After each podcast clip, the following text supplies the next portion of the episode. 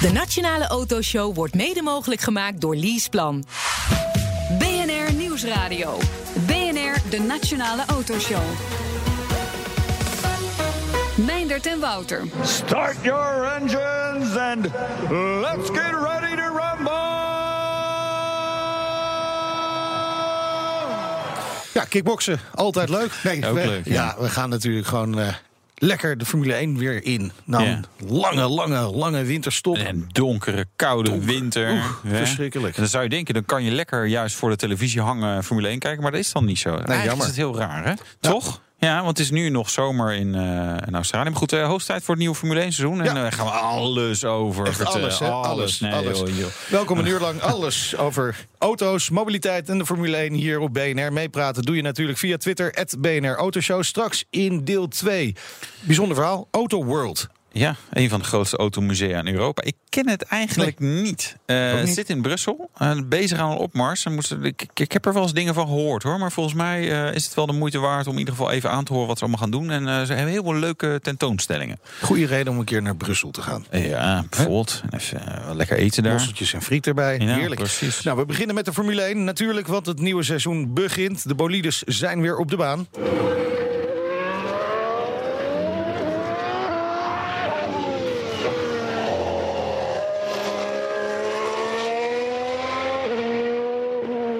Is de... Weet je welke motor het is, Guido? Eh, Mercedes. Nee, nee, nee, nee. Ferrari. Nou, we zoeken Klinkt even... allemaal hetzelfde, We, zoeken Ja. nog even, we zijn op zoek naar een andere Formule 1-kenner. Ja. Nee, hoor. Guido van der Garde, voormalig Formule 1-coureur... rijdt eh, met het team eh, van Jumbo-baas eh, Frits van Eert... in het eh, World Endurance Championship, de WEC. Welkom, leuk dat je er bent. Ja, dankjewel. Hey, en wij, wij kregen groot nieuws van jou. Ja, je hebt een nieuw team. Ja, ja, ja, ja, bijna. Ja, het is wel heel goed nieuws. Ja. Ik word, eh, word papa. Wauw, Ja.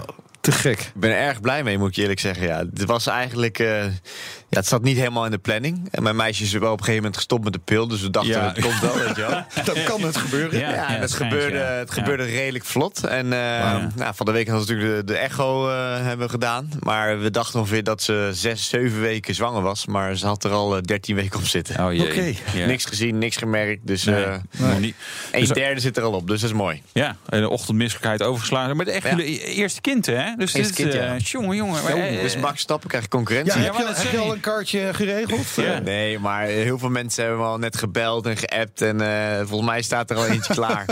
Dus eh, ik denk over drie, vier jaar, dan, eh, dan gaat hij wel beginnen, ja. Ja, cool. En het wordt een jochie, dus dat is helemaal leuk. Ja, Ah, kijk, meisjes joh. zijn ook heel leuk. Ja, nee, dat geloof Ja, ik. Geloof Eerste. Ja. eerste vrouwelijke Formule 1 eh coureur. Zo, Dat precies. eh, ja, dat is, zit er toch niet helemaal in, hè? Ik weet niet waarom dat zo is. Nee, gebeuren, nee, nee, Nooit? nee. Nee, denk je niet? Nee, die hebben niet de kracht, hebben niet de mentaliteit. Ja, maar wel de finesse. En, eh, Ja, Ja, precies. ze kunnen netjes rijden waarschijnlijk, maar dan nog zullen ze altijd tekort komen. Ja. Ja, maar is daar echt zo'n krachtsport? Nu Nee, tegenwoordig? Ja? Ja, ja, vooral met die nieuwe auto's dit jaar. En Ja? die gasten gaan kapot. Ik Ja? heb ook met Max nog even gesproken. Die zei ook, het is fysiek zo zwaar. Ik heb eh, met deze winter, hij heeft zich deze winter nog extra fitter gemaakt als, Ja. als afgelopen jaren. Dus eh, hij zegt, er komen gewoon zes G's eh, op, eh, op je af. En Ja. ja. dat is gewoon 40, 45 kilo op je nek. Ja. Nou ja, dan rondje, ro- rondje voor rondje, rondje. Ja, dat is natuurlijk Ja. best wel Maar heftig. hoe, hoe ben je, is hij de hele tijd met, met pakken melk op zijn nek aan het rondwandelen? Nee. Om dat maar te Nee, het is om, om die nek speciaal te trainen. Je hebt eigenlijk eh, verschillende dingen. Je hebt een eh, speciale nekmachine van Technogym. Nou, daar zit je eigenlijk als een soort houding als in de Formule 1 auto. En dan heb je gewichten rechts en links. Ja. Heb je een helm op, dan kan je eh, per kant kan je zeg maar je gewicht erop aanzetten. En dat gaat ongeveer tot 40, 45 kilo. En dan ga je Ja. mee trainen. Dus ben je die G-force, die Ja. G-kracht aan het nabootsen eigenlijk? Ja, en daarnaast heb je natuurlijk de dynoband. Die, die plak je zeg maar aan een, ja, aan een boom of whatever waar je ook dan bent. Of in Monaco op je appartement. Weet je, dan plak je maar vast en je En, zet je de launch control van je Porsche aan. En dan, Ja, ja, dat is zeg maar meer de voorkant van je nek. Eh, Maar wa- wat je niet hebt natuurlijk met, met eh, op die manier trainen... Is, is de trillingen en de hobbels en zo. Want dat heb je natuurlijk ook nog. Dat is natuurlijk, eh, geeft een soort, soort piekbelastingjes. Ja, dat is, dat is zo. Dus dat heb je niet. Maar ja, het is sowieso heel lastig om je nek te trainen. Het beste is Ja. natuurlijk om te rijden, maar dat mag niet. Nee, dus, dus je bent heel erg aan het trainen in die voorbereiding op dat seizoen. Wat, wat doe je verder nog meer? Ja, op je, op je dieet letten, kan ik me voorstellen. Ja, het is eigenlijk wel gewoon gewoon puur trainen, goed eten, goed slapen. Eh, je bent ongeveer twee keer per dag aan het trainen. Twee uur 's ochtends, twee uur 's middags. Fysiek aan het trainen? Fysiek, ja. Ja. Dus je krachttraining in de ochtend en 's middags eh, echt gewoon conditioneel. En dan eh, tussendoor heb je een powernapje. Eh, je moet goed eten. Zes dagen in de week doe je dat. Eén dag heb je vrij. Ja, in de tussentijd ben je natuurlijk veel bij, bij de fabriek. Ja. Je bent aan het kijken van hoe de auto ontwikkelt. wat ze voor updates voor het nieuwe jaar hebben. Hoe die eruit gaat zien. Op een gegeven moment dan, eh, dan begin je met testen in, eh, in maart. En dan eh, ga je naar de eerste Ja. race. Ja. Ja. Is, is die winterperiode spannend of eigenlijk reet te saai voor Formule 1-coureur? Nou, het is ook wel relaxed, weet je. Je bent Ja. eigenlijk eind november ben je klaar. Dus december heb je niks. Dan doe je ook gewoon de eerste week train je wel een beetje door. Maar dan heb je gewoon drie weken gewoon heel erg relaxed. eh, en Ik heb wel je dol over leraren die lange vakantie hebben, maar Nou. die Formule 1-coureurs, joh. Hè? Ja, maar die hebben eigenlijk een maandje, dan is het rustig. En, dan in januari ga je weer door. jongen, jongen, jongen. Nee, ja. Hey, eh, eh, een maand geleden werden de nieuwe auto's natuurlijk gepresenteerd. Eh, je hebt ze goed kunnen bekijken ook. Ja. Zijn de verschillen met vorig seizoen groot? Want het Nou. is wel allemaal voortborduren op. Ja, de regelgeving van, van de afgelopen jaar naar dit jaar is redelijk gelijk gebleven. Ja. Eh, de haaienvin is erachter af. Ja. Dus eh, dat is eigenlijk wel een mooie blik nu. Ja. En de Halo is gekomen. En ze hebben in plaats van vier mooi. motoren, drie motoren. Dus de regelgeving is redelijk gelijk. Ja, die auto's zien er gewoon weer mooier uit, gaver uit. Eh, meer downforce, meer vleugeltjes, meer technische aspecten op de auto. En helemaal eigenlijk nu, als je, als je ziet, dit weekend. Red Bull heeft natuurlijk voor dit weekend zelfs ook weer een update meegenomen voor de eerste race. Als je ziet die zijkant van de auto met de bargeboards. Het is wel agressief hoor. Heel agressief. En dan eigenlijk als je dan kijkt naar, naar de tijden van vannacht. Ja. Stonden ze wel echt heel erg goed bij. Ja, Ja, absoluut. ja. Maar wordt het ook weer leuker? Want meer downforce, dan vrees ik ook weer voor nog minder inhalen, nog Ja. moeilijker. Het is moeilijker inhalen omdat je meer downforce hebt. Maar ehm, het leuke is dat ze wel een DRS-zone nu er extra bij hebben gezet in Oké, Melbourne. nou, die had ik nog niet eens meegekregen. En dat gaan ze waarschijnlijk nu elke race doen. Dus Ja, vroeger ja. had je twee DRS-zones. Ja. Dus dan mocht je je achtervleugeltje eh openklappen. Ja. Dus dan krijg je meer snelheid op het rechte stuk. Ja. En nu hebben ze dus drie DRS-zones. Dus eigenlijk voor het inhalen is het alleen maar super. Oh, dat Ja. is wel cool. Waar komt die derde dan in Melbourne? Weten we dat wel? Of, eh, Ja, dat zit in het middenstuk. Dus je had in Melbourne heb je bij het start-finish zeg maar Ja. de eerste. Dan heb je naar bocht 1, 2 heb je de tweede. En Ja. dan in het middenste gedeelte heb je de, de derde zitten. Ja. Wie van de coureurs gaat zich daar vergissen en denken: oh shit, hier was ook een DRS-zone en wordt ingehaald? Denk niemand, want in de vrije training hebben ze natuurlijk al best wel veel rondjes, eh, Het rondjes lijkt me wel een gedaan. ding dat je al jarenlang heb je twee DRS-zones en dan opeens eh, is er Ja, een maar je hebt ook een piep, hè? Maar moet je, moet je, Oh, je, piep. oh, je hoort hem. Oké. Ah, Maar jammer. Moet je niet nog meer je systemen gaan managen? Dat je er genoeg power voor hebt ook? Nou, Of dat, gaat valt, dat, goed? dat hadden ze vroeger wel, die problemen. Maar nu met, met zeg maar meer downforce valt het op zich nog wel mee. En met die DRS-zone om terug te komen. Dus als je echt het, zeg maar, binnen één seconde achter iemand zit... dan krijg je een piepje in je oor. Dus dan Ja. weet je dat je hem open kan zetten. Dus dat scheelt weer. We hebben natuurlijk de eh, vrije training gezien, daar had je het al over. Eh, Als je kijkt naar de verhouding in de top, hè, eh, natuurlijk Mercedes, Ferrari, Red Bull. En ik laat expres een klein stiltetje vallen. Nou, ik denk dat Red Bull het tweede team is nu. Achter Toch? Mercedes. Ja, ik denk dat Ferrari, ja, of ze hebben lopen sandbaggen afgelopen nacht. Maar goed, dat denk ik niet. Maar eh, één ding is zeker, is dat eh, Hamilton eh, snel was. Mercedes er heel goed uitzag. Ook op de long run. Waren ze eigenlijk gewoon wel twee, drie tienden sneller als de rest. En daarachter zat Max. En Max was eigenlijk de eerste vrije training stond hij derde. De tweede vrije training stond hij één tiende erachter op de tweede plek. Dus op zich denk ik wel Ja. dat ze het heel goed voor elkaar hebben. Maar Ferrari had nog wel gemeld dat ze nog ergens 10 pk hadden gevonden. Ja, maar ja, die, die 10 pk is zien we leuk en niet aardig. Die zien we nu niet terug, nee. Dus eh, ja, ik denk dat ze echt derde team zijn. Ja, dat biedt wel perspectieven. Kijk, het leuke is natuurlijk... Vorig jaar werd er natuurlijk geroepen... ja, nieuwe regelgeving, nieuwe auto's. Red Bull is altijd goed met een nieuwe auto bouwen. Nou, hij had natuurlijk een mega hoop om eh, dat Max eh, gelijk wereldkampioen zou worden. Ja, de eerste race stond hij er eigenlijk 1,7 seconden achter met de kwalificatie. Ja.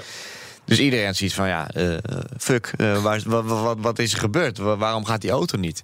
Nou, dat, hebben ze, dat gat hebben ze natuurlijk helemaal gedicht afgelopen jaar. Op een gegeven moment hebben ze races gewonnen, ging Ja. het goed. Stonden ze misschien twee, drie tienden achter een Mercedes.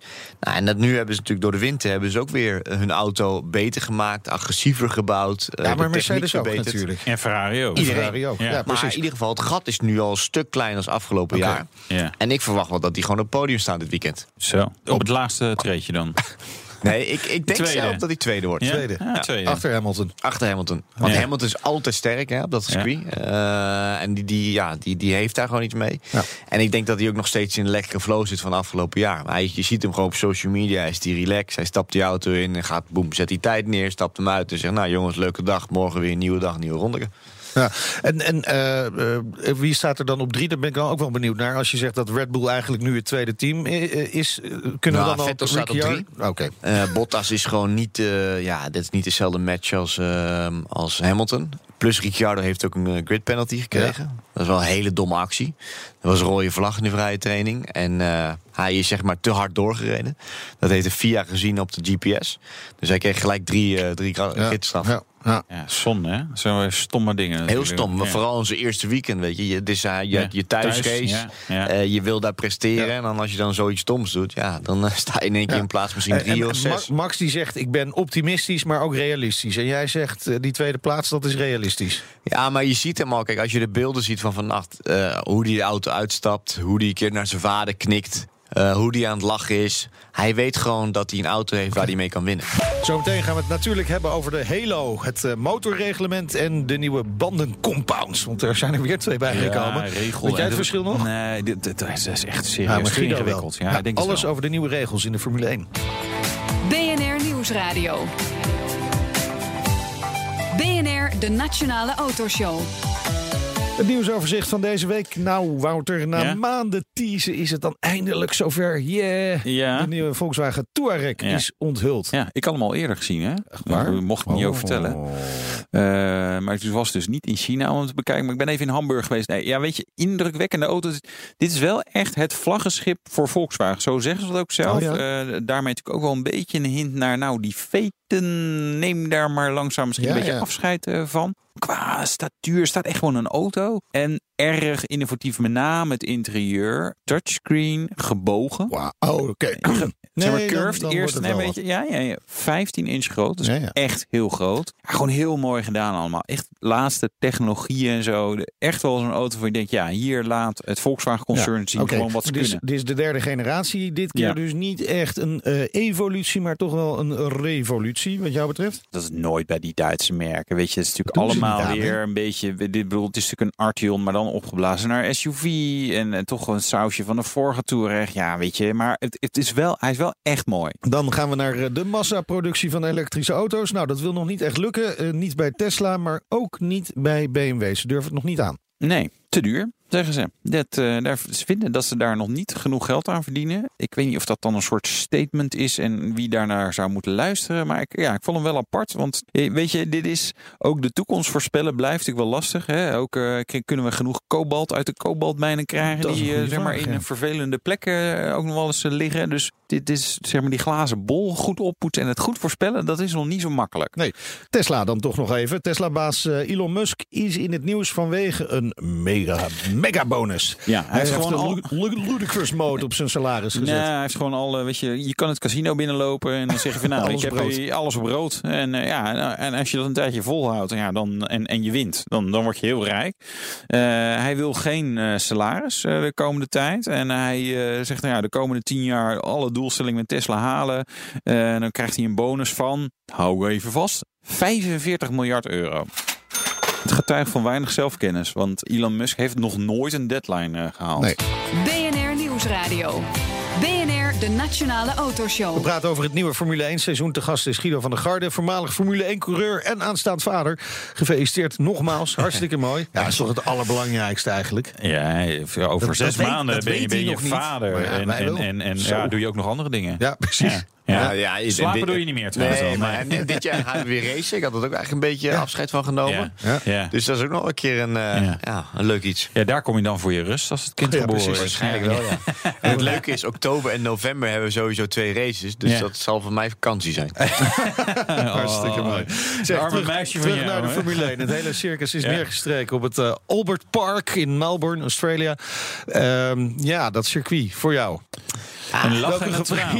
Ja, dat is het een beetje. Oh ja, nee, ja, nee, ja. Dit, Ja. dit is een heel apart verhaal. Ik ben natuurlijk daar gedebuteerd, hè? Ja. Met in 2013. Ja, dat was natuurlijk al een jongensdroom. En het was natuurlijk mega vet als je daar gewoon eh, uiteindelijk staat en je mag die start doen en je start op de grid en denk ja, fuck, al die jaren voor geknokt. nu staan we er. Ja. Maar goed, dan begint het pas, weet je. En uiteindelijk 2015 dacht ik van ja, ik ga er weer staan, ik ga weer racen. Maar dat kwam er helaas niet van en eh werd uiteindelijk afgekocht en zat zonder Ja. stoeltje. En dat was het einde van je Formule 1 carrière. Ja, ja, dat was een harde, harde les. En eh, goed, we hebben het meegemaakt. Maar uiteindelijk, weet je, het leven gaat verder. En eh, kijk nu waar we staan, man. Ik ben weer aan het racen. Ik word papa. En je moet altijd positief blijven. En het leuke is ook, weet je, je hebt het gedaan. Het was altijd een droom, dus je kan ja, altijd bent de enige in, in deze studio die dat kan zeggen in elk geval. Dus eh, vooralsnog, hè, vooralsnog, vooralsnog. Ja, ja, nee. ik heb niet de bouw van een Formule 1 Nee, ik, eh, jouw excuus, Inmiddels niet meer, Nee, eh. nee, nee, nee. Je hebt wel een lengte. Ja, de lengte is goed. dat ja. bedoel ik. Nee, ik niet. Ik, ja, dat wordt gewoon niks. Het hard trainen, jongens. Ja, ja, ja. Eh, goed. Begin van het seizoen, altijd nieuwigheden natuurlijk bij de Formule 1. De Halo, cockpitbescherming, is eh, veel over gezegd geschreven. Max Verstappen, die is in elk geval geen fan. The Halo that will be very ugly. Um, not looking forward to that. Nee, nou ja, oké. Het maar ding hij is lelijk. heel lelijk. Ja, het is echt heel erg lelijk, ja.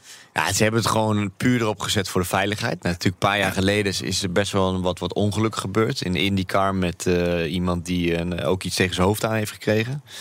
Met de naam even kwijt. Maar goed, uiteindelijk eh, is overleden. Ja. Nou, we hebben natuurlijk Bianchi gehad in de Formule 1. Dat was Ja. in 2013. Nee, 14, sorry. 14, en uiteindelijk eh, ja, is FIA gaan kijken van wat is nou de beste oplossing. Stel als er iets afvalt van de auto of er gebeurt iets mee... dat, dat ze niet zeg maar iets vol op hun hoofd krijgen. Nou, Ja. daar zijn ze mee gaan eh, experimenteren. Ze hebben een keer een glas eh, gehad. Ze hebben Ja. de Halo een paar keer geprobeerd. Nou, uiteindelijk staat de Halo nu erop. Voor de veiligheid is goed, maar het ziet er niet uit. Het in- Ja. en uitstappen is een drama. En je hebt natuurlijk te maken met een view als rijden in de cockpit. Want je hebt in één keer voor je neus een, Ja, een, nee, een precies. iets zitten. En Ja. als je hem instuurt, dan zie je hem ook. ja. Nu hebben ze wel gezegd van ja, weet je, na 20 ronden ben je wel gewend. Dus het valt nog mee. Maar voor het publiek, ik ben het met je eens. Je ziet niet wie de auto in de auto zit. Je kan de helmen niet meer eh, zien. Plus de camera's die je ziet op de onboard, zie je ook de halo zitten. Dus eigenlijk is alles min en het ziet er niet uit. Nee, maar het is wel veiliger. Ja, ja, ja maar, ja, ben, veilig? ben je het daarmee ja. eens, inderdaad? Nou, je- dat ze het hebben gedaan. Nou, stel, er, er zal een wiel af, afvallen van een andere auto... en Ja. dat zal in de lucht gaan en je, jij komt eraan... dan krijg je niet tegen je hoofd. Dus Nee. dat is een pluspunt. Maar stel als er een, een, eh, zoals een paar jaar geleden met Massa... was er van een andere auto een, eh, een spring. Dus een grote veer uitgevallen. Ja. Die heeft hij toen vol tegen zijn helm aangekregen. Daar heeft hij toen ook dat, dat, eh, die operatie gehad. Kon hij een half jaar niet rijden. Ja. Dat kan je niet tegenhouden. Nee, net Nee. zeggen. Want er Het zit is- eigenlijk alleen maar Ja. iets voor je, Ja. voor, je, voor je hoofd. Ja, als je massa hebt, komt hij daarop, maar anders hij kan er ook gewoon langs Ja, vliegen. hij zal er waarschijnlijk langs, langs Ja. vliegen. En, en bovendien, hè, wat we zien eh, in het normale verkeer, hoe meer veiligheidssystemen op de auto's komen, hoe minder veilig mensen eigenlijk gaan rijden. Dat wordt Ja. al, altijd al gezegd. Hè? Hoe ruiger mensen gaan rijden. Ja, Ja. maar dit, is- ja, maar het zal, dat, Maar, nee, maar dat heeft Mika Hakkinen bijvoorbeeld gezegd. Hè? Eh, tweevoudig wereldkampioen. Die zegt die, die coureurs gaan nog meer de limiet opzoeken. Als je dit soort veiligheidsmaatregelen neemt. Denk je dat ook? het is ja. natuurlijk eigenlijk passieve veiligheid, dit. Ja, ik, dat, dat weet ik niet helemaal. Maar goed, ik, vind het sowieso niks. Kijk, de Nee. autosport Ja, is, blijft altijd gevaarlijk. Er is altijd kans dat er iets kan gaan, gaan Ja, en niemand gebeuren. wil dat er iemand eh, eh, doodgaat natuurlijk. Absoluut niet. Nee, nee, zeker niet. Maar goed, ja, maar het wordt zo wel een beetje rubbertegelparadijs. Het ziet er niet uit. En ik vind het ook eh, een, een, een rare beslissing van de VIA. Je kunt als team daar natuurlijk ook weer voordeel uithalen. En dat is ook wel een beetje wa- wat rondzinkt dan. Nou ja, Red Bull zou hier voordeel van hebben. Van, van, ten opzichte van de anderen dan, zo'n Halo. Nou, ja, Ja. je ziet nu al wat vleugeltjes op de Halo zitten. Ja. En wat aerodynamische dingetjes. Maar Ja. dat, dat zijn mini-mini dingetjes. Maar kijk, het, het is nadeel is ook nog een keer dat je de Halo hebt. Met in- en uitstappen is het natuurlijk een drama. Ja. Weet je, vroeger had je 10 seconden regel. Dan moest je eh, uitstappen met een stuur terug doen. Ja. En Oh. nu, nu, nu hebben ze de Halo erop. Dan krijg je 11 seconden. Dus je krijgt een seconde extra. Oké, nou, Halo is helemaal niks. Eh, we hebben er helaas mee te maken, maar eh, voor nu even, even klaar. Eh, de motor, het motorreglement.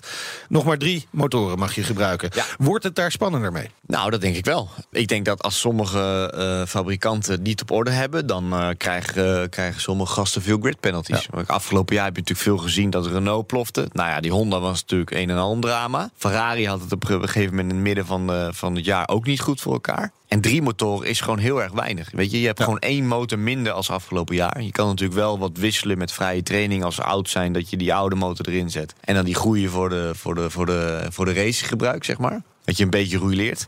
Maar uiteindelijk, ja, ik denk dat er, kan, er kan, zal nog wel best wel eens veel eh, straffen kunnen komen. Maar die gidsstraffen, dat, dat, blijft toch wel een dingetje. Het is niet altijd terecht dat ze worden uitgedeeld. En nu wordt het nog strenger. Dus dan krijg je potentieel dat je vijf races lang eh, helemaal achteraan moet starten. Ja. Omdat je eh, nog honderd gridplaatsen moet inleveren. Ja, of dat je, weet je veel, twee ronden achter, achterstand hebt of zo. ja, ik bedoel, met al die grid penalties, dat staat helemaal nergens op meer. Ja, je moet, je moet de, eerste, de eerste tien minuten moet je de verkeerde kant op rijden. Ja. En daarna mag je zich gaan Ja. inhalen. Maar het is toch wel verstandig dat ze bij Renault dan zeggen... nou, voor die motor, we gaan eerst maar eens even op betrouwbaarheid zitten. Ook na vorig jaar natuurlijk. Ja, zeker. Nee, goed, daar hebben ze echt eh, vol aan gewerkt. Ehm, en je ziet ook met de testen dat ze eigenlijk best wel goed zijn gegaan. Heel weinig problemen hebben gehad. Alleen de eerste of de tweede dag bij Max, toen hij aan het testen was. Voor de rest nul problemen. Dus de betrouwbaarheid van Renault zit gewoon heel erg goed. En ja, we gaan het zien dit jaar of, eh, of ze het eh, uiteindelijk allemaal voor elkaar hebben. Ja, er komt een mooie, mooie tweet binnen van Anastasia van Egmond. Die zegt eh, toch ook wel hierover... mooi, al die goede coureurs die eh, steeds het hele veld door moeten crossen. Top! Dat is natuurlijk wel leuk. We hebben het een paar keer gezien Ja, afgelopen seizoen. Ja, het is natuurlijk best wel, best wel leuk om te zien. Weet je, kijk, als een keer Hamilton een ritstraf krijgt eh, en die moet zeg maar achteraan starten, dan heb je een leuke race. Of eh, bij Max ook. Ja. Maar ja, uiteindelijk als je voor de wereldtitel strijdt, en zoals Max en zoals Hamilton, dan wil je natuurlijk niet eh, dat je motoren ploft of dat je eh, problemen hebt met de auto. Jeroen Bogaars die zegt... je kunt ook stoppen met zeiken over die Halo... en accepteren dat hij er is. Dat hadden we net gedaan, Jeroen, maar dank voor je tweet. Super. We, we gaan er ook gewoon niet meer over beginnen. Nee, we kunnen, Klaar. ja, ik vond het wel leuk dat uh, Havaianas, die slipper, dat slippermerk, die sponsort nu een aantal van die Formule 1. Dat is wel heel mooi. Ja, het biedt ook wel weer kansen gewoon. ja. Biedt Ja. ook gewoon kansen. Ja. Zullen we naar de banden gaan? Ik snap er helemaal niks meer van die banden. Nee, dus snap er toch wel niks meer van. Nee, maar weet je, hypersoft, ultrasoft, eh, supersoft, eh, medium soft. Nou, medium, dat snap ik toen. Maar waarom die moeilijke namen? En hadden we nog meer compounds nodig? Nee, het, sloeg, het slaat eigenlijk helemaal nergens op. Eh, Nee. Kijk, eh, Zeven hebben we er nu, hè? Ja, het is, het is echt wel een beetje belachelijk. Eh, toevallig ken ik die jongens van Pirelli goed. En ik Ja, heb je hebt ze getest, hè? Ja, Ook. ik was op een gegeven moment testcoureur bij, bij Pirelli voor, voor Formule 1 banden. Maar ja, dat ze dit nu weer gedaan hebben. Kijk, voor hun is het natuurlijk publiciteit. De naam genereren. De, of het nou slecht is of, of, niet, of, of goed is. Maar ja, ik vind gewoon, mensen snappen er nu helemaal niks meer van. Ze gaan wat aan die kleurtje krijgen. Maar merken de coureurs het? Dat vast wel. Ja, sowieso. Dus de bandencompounds is best wel een groot verschil. Eh, dus van medium naar soft, naar soft naar super soft zit ongeveer drie, vier tiende. Sowieso Ja. van de hardere band naar de softere band eh, wordt het steeds eh, minder. Dus eh, van eh, super soft naar ultra soft is eh, drie tiende. Van ultra soft naar hypersoft. Nou, zie, je- ik zie je al kijken. je wordt nu al ja, ik heb mooi, je hebt, het hoofd geleerd. Ja, ja. Of was dat dat spiekbriefje net zo? Nee, nee, nee, nee, ik weet het gelukkig uit mijn hoofd. Maar het, ja, het, het slaat nergens op. Nee. Nee. En niemand rijdt op de mediumbanden, zeg maar. Tenminste, ik heb volgens mij geen enkele race. eh, Nee. Want ja, waarom zou je dat doen? Dat Nee, heeft, ja. weet, weet niet Kijk, genoeg. Ja, ze zullen op een gegeven moment wel zeggen van... oké, bepaalde races mag je waarschijnlijk die softe band niet gebruiken. Dat zal waarschijnlijk in Silverstone zijn en in Japan. Omdat je Ja. daar heel veel lood krijgt op die snelle bochten. Ja.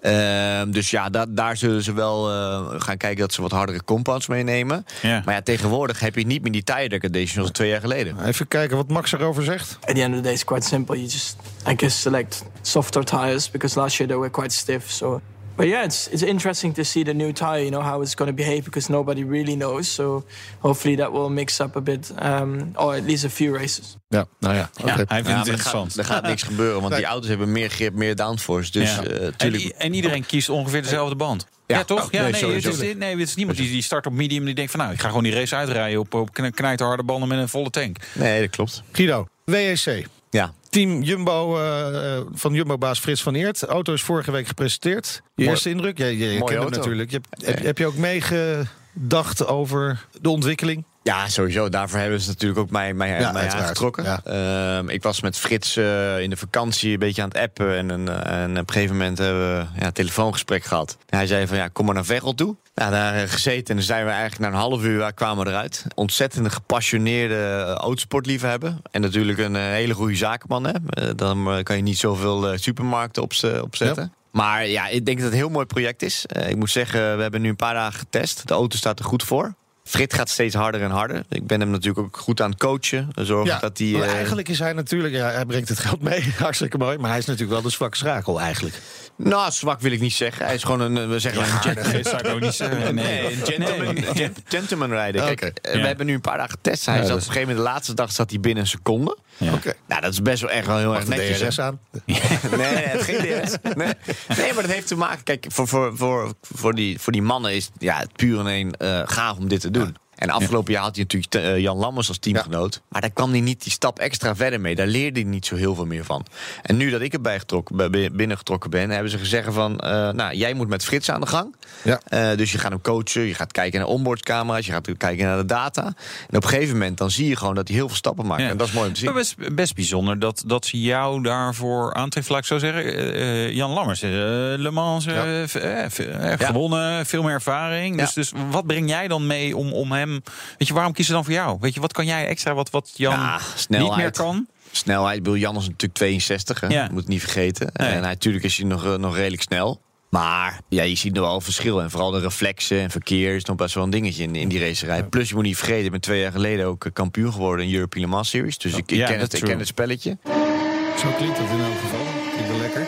Eh, podiumplaats is de doelstelling van Frits van Eert. Is dat ook haalbaar? Ja, zeker. We rijden de eerste twee races samen eh, met Jan Lammers. Ja. Dan eh, stapt Jan Lammers na Le Mans uit. Omdat hij dan 24 keer de Le Mans, Ja, eh, ja, mooi. 24 uur van Le Mans heeft gedaan. En dan krijgen we Nick de Vries. Ja. Jong talent. Dus ik denk zeker wel dat we daar wat leuks mee kunnen gaan doen. Dank voor je komst eh, naar de studio. Guido van der Garde, voormalig Formule 1-coureur, actief eh, in de WEC en natuurlijk aanstaand vader. Hartstikke leuk. Zometeen Automuseum Autoworld in Brussel. En Wouter rijdt in de Toyota Yaris Groen.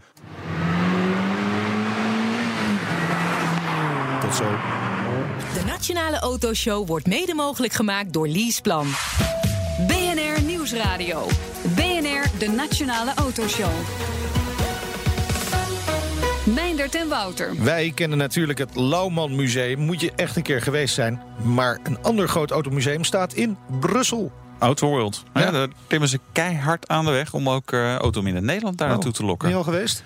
Nee, Nee, ik ook nog niet. nee. Nou ja, dan moeten ben- ben je inmiddels al in het Lauwman Museum Ja, geweest? ja, ja, zeker. Een paar keer inmiddels. Een paar keer. Rrr, zeker weten. Ja, zakelijk. Maar heb je ook gewoon een keer het Nee, museum echt ja, bekeken? Ja, oké. Nee, Ja, rustig aan. nee, oh, rustig aan. Echt Niet zo agressief worden, jarenlang, gelijk. eh, Hè? Jarenlang, kan je Je ging hebt een beetje een agressief autootje gereden, denk ik. Dat je zo... eh, Nee, bent. lief, eh lief. Groen? De auto van je tante met een motor uit de Lotus. Oh, een motor uit de Lotus. Heb je een vraag, wil je met ons meepraten? Kan via Twitter, het BNR Autoshow. We gaan het hebben over het Automuseum Autoworld in Brussel. Bezig aan een eh, opmars. Afgelopen jaar is het bezoekersaantal verdrievoudigd. Allemaal onder de bezielende leiding natuurlijk van Sébastien De Bare, General Director van Autoworld. Welkom, leuk dat je er bent. Dankjewel, Hier in Amsterdam. Het museum staat in Hartje, Brussel. klopt. In het Brusselse Jubelpark. Het Jubelpark. Dat is ja, mooi. Dat vind ik, dat is echt zo'n zo'n Vlaams iets, maar dit soort namen, toch? Wat het noemt in het Frans de Saint-Contenaire. Dat is nog mooier. Oh, Ja, ik vind Jubelpark ook wel. Ja, want dat dat, waar was de, wat was de historie ook weer van het Jubelpark? 50 jaar België. Ja. Eh, dat plein of die site is gebouwd Ja. voor de...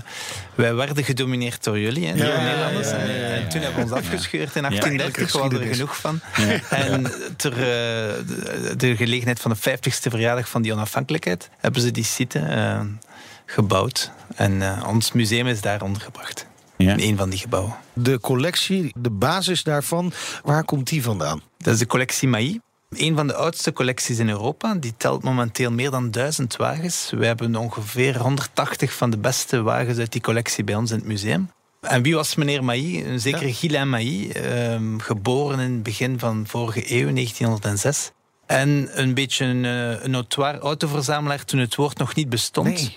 Bezeten door eh, techniek. Ehm, als tienjarige deed hij al het onderhoud van de vrachtwagens. Ehm, zijn eh, ouders waren ketelbouwers.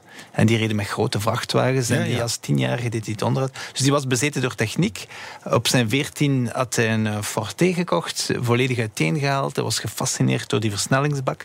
En zo is die gaandeweg begonnen. Ja. Met auto's te verzamelen. In het interbellum tussen de twee wereldoorlogen begon die eigenlijk wagens te verzamelen toen eh, men massaal koper nodig had voor de eh, oorlog, de nakende Tweede Wereldoorlog. Ja. En eh, wagens werden massaal vernietigd. En hij kocht wagens. Hij gaf, hij gaf iets meer geld om die wagens te behouden. En zo werd hij eigenlijk een verzamelaar avant la lettre, want het bestond Ja. nog niet. Nee, niemand, nee. niemand had een visie over wagens. Zou dat ooit kunnen eh, iets waard zijn, zoals Nee. kunst? Hè? Vroeger was dat een gebruiksvoorwerp. Ja, ja En- alsof je stofzuigers gaat verzamelen. Voilà, zo, zo was het. Dus die man, zonder dat hij het wist, en, en uiteindelijk is die collectie uitgegroeid tot meer dan duizend wagens. Duizend, waar laat je ze? Wel, wij hebben de, de mooiste, we zeggen, de, de crème de la crème van, Ja. van, van die collectie staat bij ons. En ze hebben nog een, eh, een museum in Leuzen, waar ook de reserves staan, waar meer dan 700 wagens staan. En het bijzondere aan die collectie is dat de wagens niet allemaal, zelfs de meeste, ik denk eh 700 van die wagens zijn totaal niet gerestaureerd. Oké. Die staan in, zoals we het in, in Vlaanderen zeggen, in een jus. dat is wel netter dan dat. wij het Ja, zeggen. ja, ja. Ja. Wij Maar- zeggen maar- dan weg te roesten. Ja. Tegenwoordig is dat Nee, de trend. Ja. Hè? De trend Ja, ja. is om Ja, ja, wagens ja, ja, niet te restaureren. Ja, dus misschien is is het niet Ja. slecht. Hè? Het, museum in Leuzen, dat is eh, 80 kilometer ten zuiden van Ja, Brussel ongeveer. En, en het, het museum in Brussel. Eh, veel aandacht voor Belgische automerken ook. Klopt. En dat is een tijdje geleden natuurlijk, dat er echt Belgische automerken waren. Absoluut. Dus we gaan terug naar 1900, industriële revolutie. Wij ehm, waren een van de eerste en, en meest geïndustrialiseerde landen, samen met de Fransen. Ja, Nederland was natuurlijk ook hè, de zuidelijke Nederlanden. En, en de Duitsers en de Engelsen. Dus industrie wil ook zeggen evolutie, techniek. Ja, sorry, ik ben in de micro spreken. En wij hadden ooit meer dan 100 Belgische merken. 100 Belgische merken. Heb ik in een boek gelezen. Ik eh, kan het ook moeilijk geloven. Maar als wij samen straks aan een brommer prutsen, waren we ook al een Belgisch merk. Dus Ja, het was, ambachtelijk. Maar eh, nee, wij, wij hadden, wij hadden wel know-how eh, door die industriële revolutie. En, en we waren bloeiend. Eh, we hebben die rol moeten lossen, helaas. Ja. Maar, Ja, wij en- ook. ja, maar ik, ik was daar net aan het wandelen in Amsterdam en ik zag daar op een, op een gevel Minerva. Ja, dat is een heel bekend, eh, maar dat is een Belgisch eh, merk Dat van was, oorsprong. een, dat, was, dat is een mooie link naar, naar Ja. jullie toe. Er was een Nederlander die in Amsterdam woonde. Sylvain de Jong, die het, het Antwerpse merk eh, Minerva. Ja. Ooit kon dat zonder problemen naast de Rolls-Royce staan. Een, een, een, eh, een zeer prestigieus merk. Dat ooit heel groot was, dat helaas niet meer bestaat. Net zoals Spijker hè, bij jullie. Ja, ja, ja, ja, ja. Maar als je aan Victor Muller vraagt, dan bestaat het nog wel. Springlevend, springlevend. Ja. Maar, eh, maar het was mooi dat, dat je die afbeelding hebt gezien in Amsterdam. Want die is wel bijzonder. Het is een van de weinige nog eh, van die, van die eh, advertenties op een muur Absoluut, eh, van die tijd. ik was, eh, was bijzonder. door het tolle heen. Ja, ik, heel toevallig loop ik daar Ja, voorbij. Dus, eh, En het, Koningshuis reed, het Belgische Koningshuis dan, en dat reed in Minerva's. Klopt, klopt. Niet alleen het Belgische Koningshuis, maar eh, het was een, een merk voor gekroonde hoofden, zoals het dan heette. Dat was heel luxueus. Ze hadden eh, de kantelmotor, eh, die heel ehm, was. Dus voor die grote wagens, hè, dat waren limousines. Vroeger kocht je de, de chassis en daarna ging je naar een koetsenbouwer. Ja. En wij Belgen waren heel gerenommeerd in het bouwen van, ehm, van koetsen. We hebben het Huis Dieteren bijvoorbeeld nog altijd. Invoerder van de Volkswagen groep in België, die ooit een koetsenbouwer was, die dan geëvolueerd is naar Ah, invoerder. Wat is er met, met al die Belgische autofabrikanten gebeurd? Het is misgegaan. Ik, ik kan mij, allee, we zijn Belgen, hè, we kunnen het altijd goed uitleggen. Maar het is misgegaan door een aantal factoren. Ik denk, als we eerlijk zijn, moeten we zeggen: technologie. Toen Henry Ford eh, wagens in massa begon te bouwen. Eh, waren wij nog bezig met koets, eh, met eigenlijk carrosserieën op maat. Hè. Elke wagen was verschillend. Henry Ford zei: Je kan bij mij alle kleuren krijgen als het maar een zwarte is, Ja. want de verf moest eh, sneller, de zwarte verf Die droogde sneller, droogde sneller, Ja. voilà. Ja. Dus wij waren nog, we hebben die, die, de trein gemist en we mogen ook niet onze Duitse vrienden, vrienden niet vergeten. Die hebben helaas België platgelegd in de. Eerste Wereldoorlog en in de Tweede opnieuw. Dus we hebben die trein gemist. Wat is er dan gebeurd? We zijn ons beginnen specialiseren in het assembleren van wagens. We hebben heel veel fabrieken gehad. Eh, we hebben er dag steeds van wel, vandaag eh, nog een aantal. wel. We Ja. hebben nog de Volvo, Ja. eh, de XC40 die momenteel gebouwd wordt bij ons. En het prestigieuze project van Audi, de Ja, e-tron, e-tron. wordt bij ons in Brussel en daar zijn we wel fier op. Eh, dus er is nog zeker wel een link, maar het is vechten zoals iedereen. En dus als we Belgische auto's willen zien, dan moeten we naar het museum. Absoluut. Auto World, bijna zeven jaar geleden kreeg u de leiding in handen van dat museum. Auto World maakte toen toch ook wat mindere periode door. Ik kan me voorstellen dat het ook aan een zijden draadje hing. Of was het nog niet Absoluut, zo erg? Absoluut. Het is, zo, het is een privémuseum Ja. met een, een collectie die ook niet echt van het museum is. Hè. Dus een samenwerking met Ja. die MAI-collectie. Dus het is een beetje een lege doos. En ik heb die lege doos geërfd zeven jaar geleden. Fijn. Als, als jong, jonge dynamische manager. Doe er iets mee. Ja, Want het was- succes. ja, Ja. Het, was, het was een beetje een, een stoffig, uh, oudbollig Maar waarom bent u er dan ingestapt? Zo'n passie voor auto's. Ja, absoluut. En, Ja? en ook geloven in dat project. Eh, we hadden een audit gedaan zonder, het on- zonder dat men ons het gevraagd had. En wij geloven in het potentieel. U moet weten dat het museum in een heel, heel spectaculair gebouw is ondergebracht. Ja, ja we hebben, we Eh, hebben eh, een prachtig boek Ja. van de collectie gekregen. Het is echt schitterend. Het, het gebouw is alleen al de moeite waard om te zien. Het is ook zo dat in dat gebouw Heel ouderwets industrieel gebouw, kunnen we zeggen. Absoluut. Het is een Mo- beetje... mooie voor- stalen bogen. Ja, het is, het is een gebouw van, van dus ja, 1890, hè, eind eh, 1800. De, de Belgische staal- en eh glassnijverheid moest, moest eigenlijk er, eruit komen. Eh, een project van Leopold II. Een beetje de Grand Palais in, in Parijs. Ik weet niet Ja. dat u het gebouw Ja. ziet. Ja. Het is een beetje dezelfde stijl. Waar was het gebouw voor bedoeld in eerste instantie? Wel, Dat was eigenlijk voor de ehm, wereldexposities ehm, te, te organiseren. En in 1902 vond het eerste automobielsalon Ah. van Brussel daar plaats. Dus het heeft wel geschiedenis. Hè. Het is een beetje back to Ja. the future. Of, of, er is wel een, een autolink met het gebouw. Ja. Dus dat is het gebouw. Het gebouw is Ja. op, zich al... Dus maar goed, waarom- het gebouw alleen was niet goed genoeg. En de Nee, collectie nee, ook nee, eigenlijk niet. Er moest wat gebeuren. Ja. Ja, het museum werd opgericht in 86 en het- alles was een beetje op zijn beloop gegaan. Iedereen Ja. dacht van oh, een collectie is goed. Maar wij in Autoworld, eh, wij geloven sterk in, in vernieuwing. En in, eh, we zijn een automobielmuseum. Een auto is gemaakt om mee te rijden, geloven we. En niet om in een museum onder te brengen. Dus wij proberen heel sterk in te zetten op exposities. Oh, ik dacht even dat iedereen gewoon met die auto's mocht gaan rijden. Ja, ja. dat is een beetje op. Sleutels zitten erin. Ja, Veel plezier. Het is een beetje tegen mijn winkel dat ik spreek, maar een auto blijft een voorwerp dat gemaakt is om te Ja, rijden. Dus ja. ik, ik ben ook iemand die verzamelaars die hun, eh, hun wagens als een suikerklontje beschermen en je mocht er niet naar kijken, je mocht er niet aankomen. Ik ben een beetje anders. Ik, ik vind een auto is gemaakt om mee te rijden, dus er moet mee gereden worden.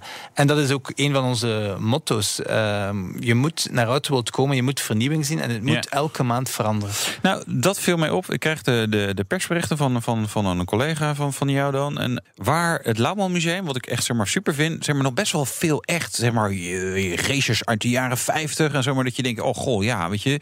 als ik ouder was geweest, had ik dat wel eh, vast heel interessant gevonden. Dus jullie wel toegankelijker. En er komt gewoon veel meer. Echt veel, veel wisselingen. Eh, el- Elke maand wat anders lijkt het bijna op. Dat is de bedoeling. En dat is effectief. Wij zijn, ehm, ik heb veel respect voor het Lauwman Museum. Hè. Pas op, dat is voor ons wel de, de top. Hè. Die collectie is ongelooflijk.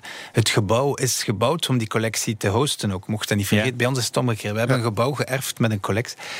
Maar effectief, een bezoeker komt eenmaal naar Lauwman of naar een ander museum en die hebben die collectie gezien. En die zeggen, oké, ik heb het gezien. Ze doen ook expos, hè, pas op. Hè. Ja, dus ik wil zeker. zeker niet op Lauwman schieten.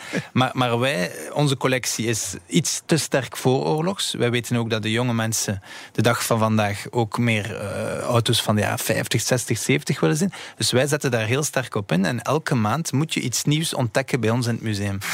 Zometeen zijn we dan ook wel benieuwd welke tentoonstellingen eh, de Autoworld dit jaar gaat organiseren. En we rijden in de Toyota Yaris. Grm. Die naam is moeilijk, hè? Maar hij doet wel grum, grum. In een Jaris. BNR Nieuwsradio. BNR, de Nationale Autoshow. We gaan rijden. De rijimpressie. Ja, en Wouter die test dus de Toyota Yaris Grum.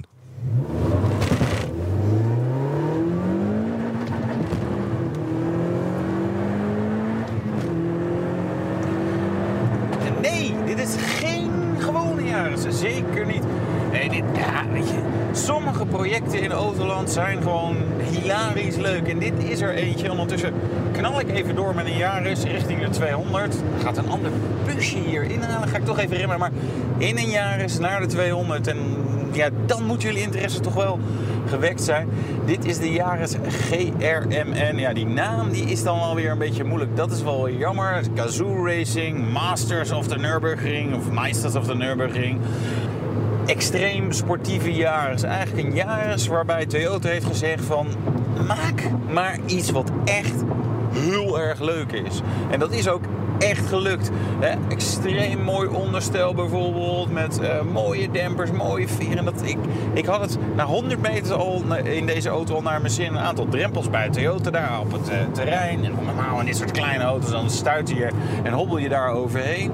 Maar ja, je voelt gewoon meteen de kwaliteit van het onderstel. En ja, daar zitten absoluut hele grote verschillen in.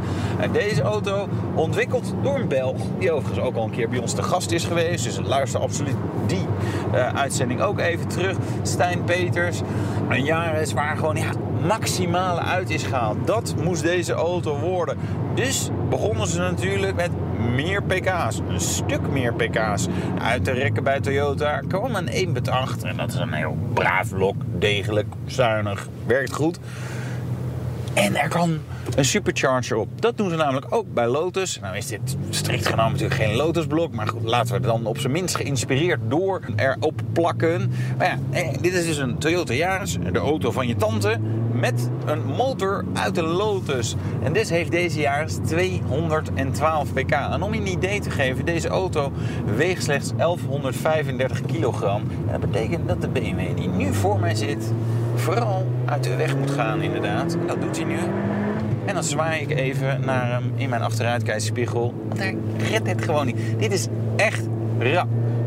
Topsnelheid begrensd. Voor een Yaris, hè, voor een Yaris. 230 km per uur. Harder had absoluut gekund. Maar dan moet je ook weer nog grotere remmen. Nog meer rekening houden met de aerodynamica en zo. Sprint naar de 100, 6,5 seconden. Er is ook een sperdifferentieel gemonteerd. Zodat je, nou ja, en tijdens zo'n sprint, maar vooral natuurlijk ook tijdens bochtenwerk. gewoon lekker ook die power op de weg kwijt kan betere remmen, lichtgewicht BBS-velgen, het stuurtje van de GT86, mooie kuipstoeltjes, ja, wat spoilers, wat stickers. Het is zo'n verschrikkelijk leuke auto met een verslavend uitlaatgeluid. Dat wilde ik even zeggen. En dan ga ik nog even terug. Deze drie. Misschien hoor je het. Echt venijnig blazen. Echt heel venijnig blazen. Heerlijke auto. Leuk man. Toyota Yaris. Wat zijn nou? Gazoo, Gazoo Racing. Racing, eh, Masters of the Nürburgring, zoiets. Het is, Oftewel ja, Grim. Grim, ja, die naam is, vind ik een Wat, beetje moeilijk. Ja, maar echt een top hot hatch dus. Ja, nee, ja, weet je... het is ook- Nee, maar je, zou hem willen inpakken, gewoon bij je voor de deur zetten. Lekker. Mm, nee. Oh. oh. Nee, ik heb nog een veel leukere hot hatch. Maar ja, dit is, dat is, ja, dat is een ander kaliber. Ja. En eh, minder verfijnd. Ja, absoluut. Nee, weet je, de, de onderstel bijvoorbeeld van de jaren... ze zijn veel beter dan mijn BMW. Echt veel beter. Vind je, veel betere vering en demping. En weet je, het is, het, is, het is echt met liefde gemaakt. Ja, Ja. jij was op windsport toen we Ja. die meneer hadden. Maar nee, het is echt, die uitzending moet nog even terug. Dat was echt, dat was echt leuk. Nee, is. Weet je, dit is, dit is zeg maar echt een soort Halo-project. Maar dan eh, met een Jaris. Dat vind ik toch wel erg grappig. Zin in, hè? Was ik dit? Nou, weten we niet zeker. hey, maar eh, wel ja, uitverkocht dus. Ja, ja, ja. 600 eh, stuks eh, maken ze maar. 200 in Japan en eh, 400 eh, in, in Europa en 5 in eh, Nederland. Zo. En gewoon allemaal weg. En het eindoordeel? Het is nu al een icoon, dus zet maar weg in de kelder. Dat kan niet lekker stof af. Of, Ja. of in het museum natuurlijk. Ja, Nou, dat gaat wel gebeuren, ja, denk ik. BNR Nieuwsradio. BNR, de Nationale Autoshow. praten wij verder met eh Sebastien de Baren, de baas van Autoworld. Het eh, museum, prachtig museum. Op basis van de plaatjes. We zijn er nog niet geweest. In Nee, nog niet, Brussel. is dan wel het nog goede niet, woord, precies, ja. is dan het goede woord. Ja, dat duurt bij mij dan drie jaar. Maar Ja, Wouter, die ja. zit er waarschijnlijk dan volgende week. Mm, Ehm, nee, dat heb ik geen tijd, aantal maar ja. bezoekers eh, in de afgelopen jaren verdrievoudigd. 180.000. Klopt. Terwijl het dus aan een zijde draadje hing. De autocollectie is wat verouderd. Zei je zelf ook al. Hoe krijg je dat toch voor elkaar dan? Met die, met die exposities Ja, dus. we hadden een, een, soort masterplan zeven jaar geleden van wat moeten we doen. Eerst opruimen, eh, alles terug in orde zetten, zorgen dat de wagens terug blinken, dat Ja. het stof er letterlijk Echt vanaf waar? is. Ja. Ja. Ja, zo erg was het. Nieuwe zones, investeren in, in de bestaande collectie, verjongen, zorgen dat er ook na Wereldoorlog twee wagens te zien zijn. De dat was het 50. echt eigenlijk. Eigenlijk was alles voor oorlogs. Ja, absoluut. Dus we hebben nieuwe zones gebouwd. Het is een VZ2, een privémuseum. Dus elke keer als we centen hebben, investeren we ze in het museum. Die hadden we toen niet. Hè. We Nee. draaiden toen, toen rode cijfers.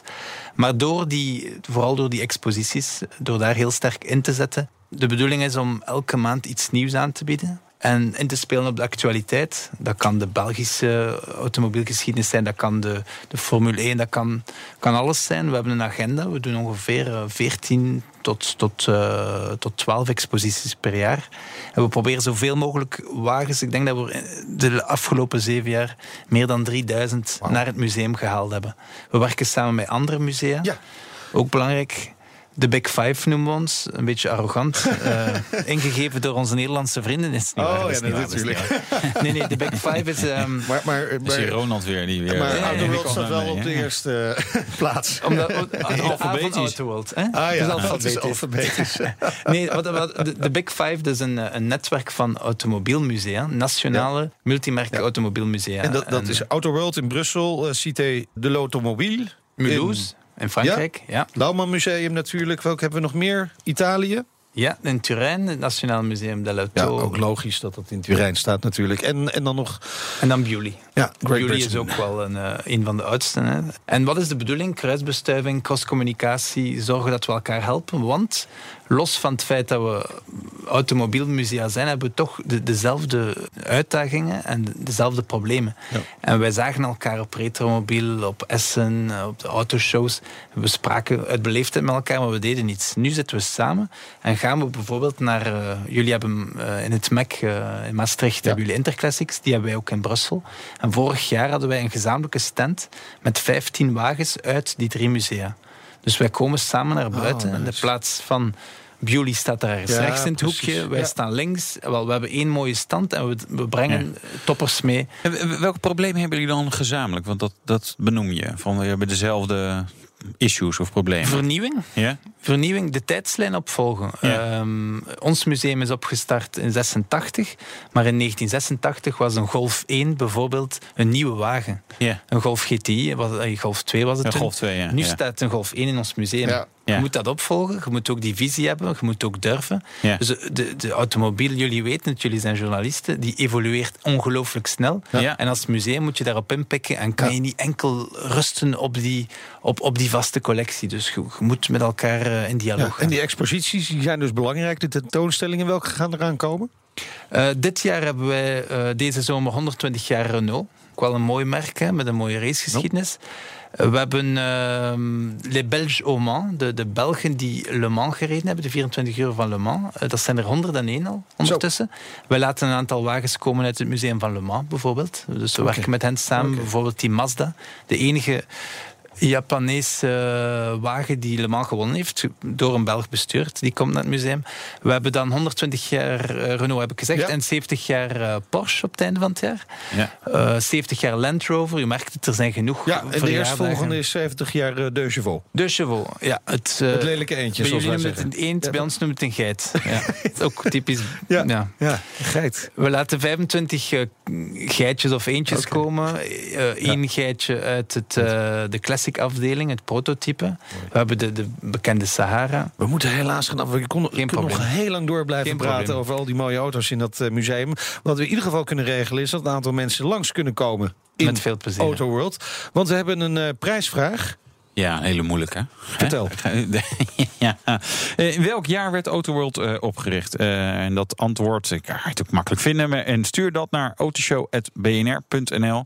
En vergeet dan vooral niet je adres erbij te benoemen. Ja, maar dan krijg je opeens als verrassing die tickets in je ding. Ja, nou, ja, en, nou ja, dus ja, dat. Nee, ik denk dat het wel moeite waard is. Volgens mij een mooi museum. Ik ga er wel zeker een keer denk kijken. ik ook.